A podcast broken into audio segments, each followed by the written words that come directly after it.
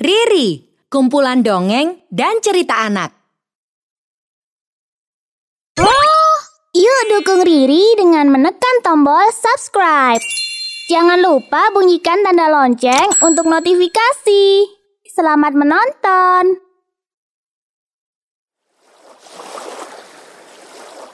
Legenda Nyi Roro Kidul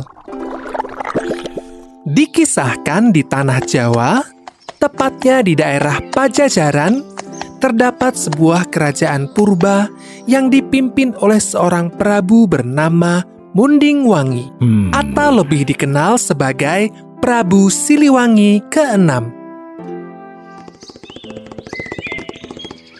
Prabu Siliwangi terkenal akan kegemarannya berburu hewan di hutan.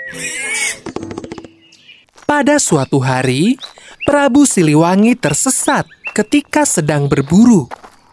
Hmm, hutan ini sungguh misterius. Aku sama sekali tidak bisa menemukan jalan keluar. Apakah aku terlalu jauh masuk ke dalam hutan? Prabu Siliwangi merasa putus asa. Bagaimana jika dia benar-benar tidak bisa keluar? Namun, keberuntungan datang kepadanya.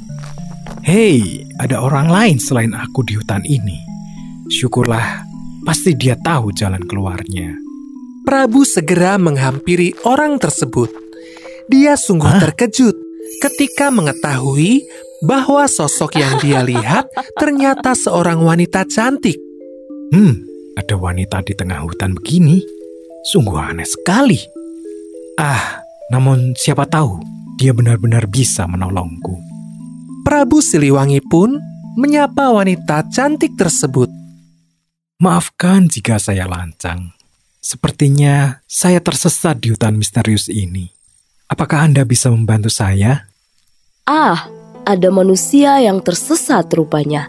Bagaimana bisa kamu sampai jauh ke jantung hutan seperti ini? Ah, saya terlalu asik berburu hingga tidak memperhatikan arah. Apakah Anda bersedia menunjukkan jalan keluar dari hutan ini? Aku sudah lama tinggal di sini. Bisa dibilang aku tahu seluk-beluk hutan ini. Aku akan menunjukkannya padamu. Namun, aku punya syarat. Apakah itu kalau saya boleh tahu? Aku selama ini hidup sendirian di hutan ini. Tinggallah bersamaku untuk beberapa waktu, maka akan kutunjukkan jalan keluar. Prabu merasa Hmm, tidak ada ruginya berkorban sedikit daripada tidak bisa keluar sama sekali. Maka, Prabu pun menyetujui syarat tersebut. baiklah, kuturuti persyaratanmu itu. Keputusan yang bijaksana. Tentunya tidak akan terjadi masalah pada kerajaanku jika aku tinggal beberapa hari saja. Wanita itu mengajak Prabu pulang ke rumahnya. Rumahmu seperti istana kerajaan. Siapakah kau sebenarnya? Wanita itu hanya tersenyum tanpa menjawab pertanyaan Prabu Siliwangi. Prabu Siliwangi tinggal di hutan lebih lama dari rencananya. Dia jatuh hati pada wanita misterius itu. Hingga akhirnya mereka pun menikah.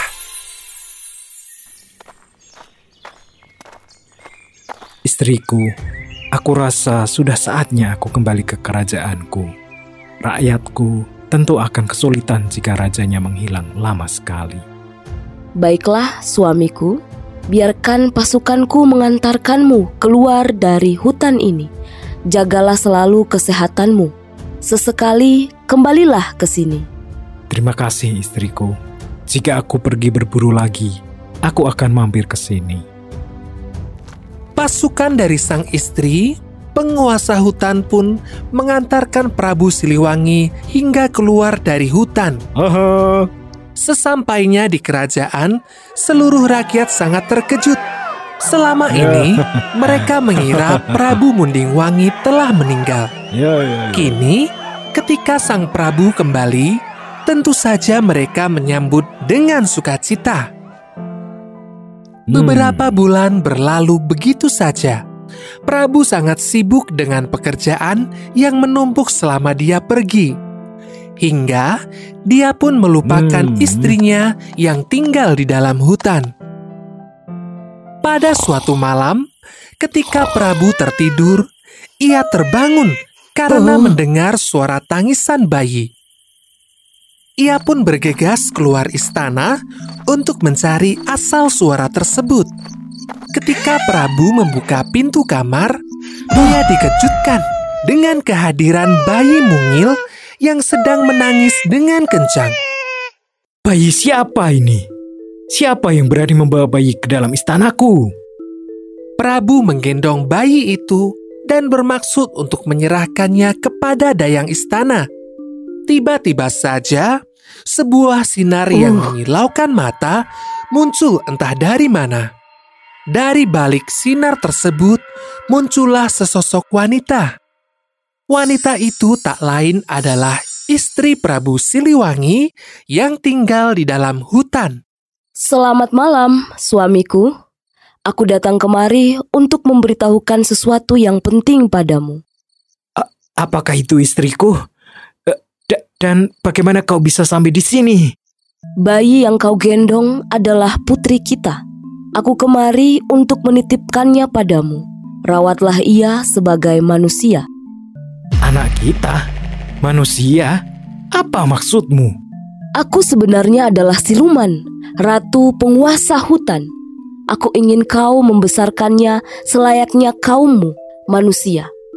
Berikanlah yang terbaik untuknya. Jagalah dia dengan baik. Belum sempat Prabu menjawab permintaan istrinya, asap putih menyelimuti ratu dan menghilang dari hadapan Oh. Prabu Siliwangi.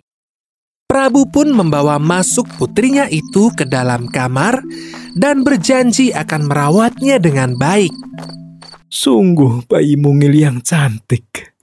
Akan kuberi nama kau Putri Kadita.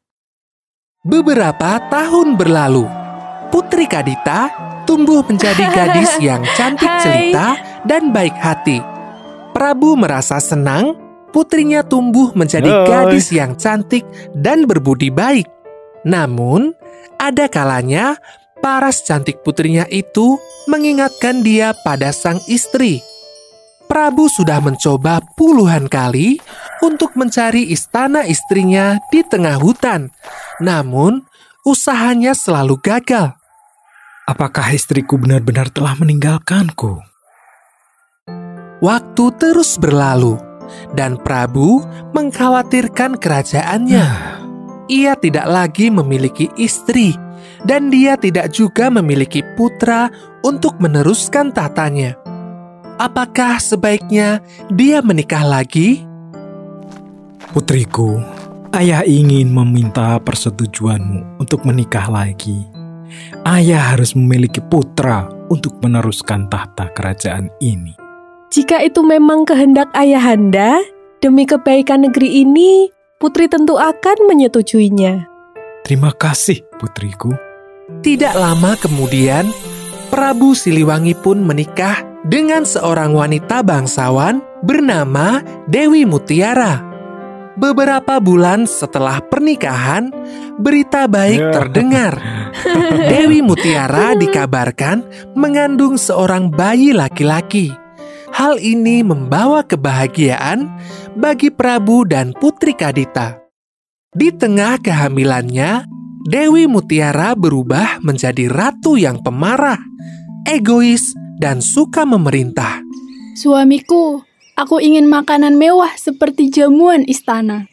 Baiklah istriku, akan kuperintahkan juru masak istana menyiapkannya untukmu. Pada awalnya, Prabu Siliwangi memenuhi semua permintaan istrinya itu. Namun, permintaan Dewi Mutiara semakin hari semakin aneh. Suamiku, demi kelancaran kehamilanku, aku ada permintaan. Aku ingin Putri Kadita keluar dari istana kita. Istriku, tentu saja aku tidak bisa memenuhi permintaanmu itu. Ketika Prabu Siliwangi menolak permintaannya, Dewi Mutiara merasa kecewa, kesal, dan sangat marah. Selama masih ada Putri Kadita, kasih sayang Prabu akan selalu terbagi dua. Aku harus mencari cara. Dewi Mutiara diam-diam mencari jalan keluar untuk menyingkirkan Putri Kadita. Dia pun pergi menemui seorang tukang tenung atau dukun sakti. Akan kubayar berapapun yang kamu mau, asalkan kau bisa membuat Putri Kadita keluar dari istana. Baiklah, bayaran untuk itu sangatlah mahal. Suatu malam, saat Putri Kadita sedang tertidur dengan nyenyak, asap tebal berbau busuk menyelimuti tubuhnya. Namun anehnya, Putri Kadita tidak merasakannya. Pagi harinya, seluruh tubuh Putri Kadita dipenuhi dengan bintik-bintik bernanah. Ada apa dengan badanku? Kenapa menjadi begini? Prabu segera memberi perintah pada abdi setianya untuk memanggil tabib. Segera panggil tabib paling hebat kemari. Seluruh tabib dari berbagai penjuru negeri telah didatangkan. Akan tetapi, tidak ada seorang pun yang mampu menyembuhkan putrinya itu. Pada saat itulah, Dewi Mutiara menyampaikan bisikan jahat. Suamiku, alangkah baiknya jika Putri Kadita diasingkan dari kerajaan. Tak ada seorang tabib pun yang mampu menyembuhkannya. Kita tidak tahu kapan penyakit itu bisa menyebar dan menular ke kita. Calon putra kita, ke rakyat kita, pertimbangkanlah ini. Ini demi kerajaan kita juga. Baiklah, Dengan berat hati, Prabu merelakan putrinya itu keluar dari istana. Jaga dirimu baik-baik putriku. Maafkanlah ayahmu yang tidak sanggup melakukan apa-apa untukmu. Tidak apa-apa, Ayah. Aku akan baik-baik saja.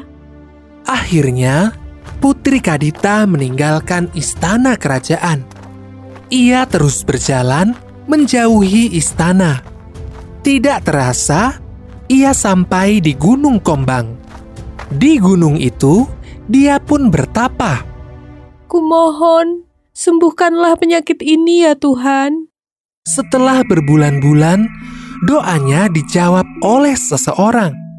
Pergilah ke Hah? pantai selatan. Pergilah ke pantai selatan. Siapa itu? Siapa di sana? Keluarlah. Aku adalah ibumu, wahai anakku, Putri Kadita. Ibu, ibu. Kenapa kau tidak menampakkan dirimu? Suatu saat kamu akan bertemu denganku. Pergilah terlebih dulu ke pantai selatan. Entah bagaimana, Putri Kadita merasa yakin bahwa suara itu memang ibunya. Putri Kadita pun segera berlari ke arah selatan. Dia berlari dan berlari selama berhari-hari. Ketika dia telah sampai di pinggir pantai selatan, suara sang ibu muncul kembali. Sekarang ceburkanlah dirimu ke dalam laut, menyatulah dengan alam. Tapi Bu, Maka Putri Kadita pun segera menceburkan diri ke laut. Tidak disangka, keajaiban terjadi. Semua bintik di tubuhnya perlahan menghilang. Tidak hanya itu, ia juga berubah menjadi lebih cantik. Terima kasih laut. Kamu telah menyembuhkan penyakitku di saat tidak ada yang mampu menyembuhkanku. Sebagai balasannya, aku akan tinggal di sini. Putri Kadita pun akhirnya memutuskan untuk tinggal di laut. Tidak hanya itu, ia juga mendirikan istana dan mengumpulkan ribuan pasukan. Sejak saat itu, Putri Kadita dikenal sebagai Nyi Roro Kidul atau Sang Ratu Pantai Selatan Pulau Jawa. Nasihat dari cerita ini adalah selalu utamakan kebaikan sekalipun kita dicelakai. Mari belajar sambil bermain. Download aplikasi Marble di Android dan iOS. Aplikasi teman belajar anak-anak. Lengkap dan menyenangkan. Download sekarang. M A R B E L. Marble.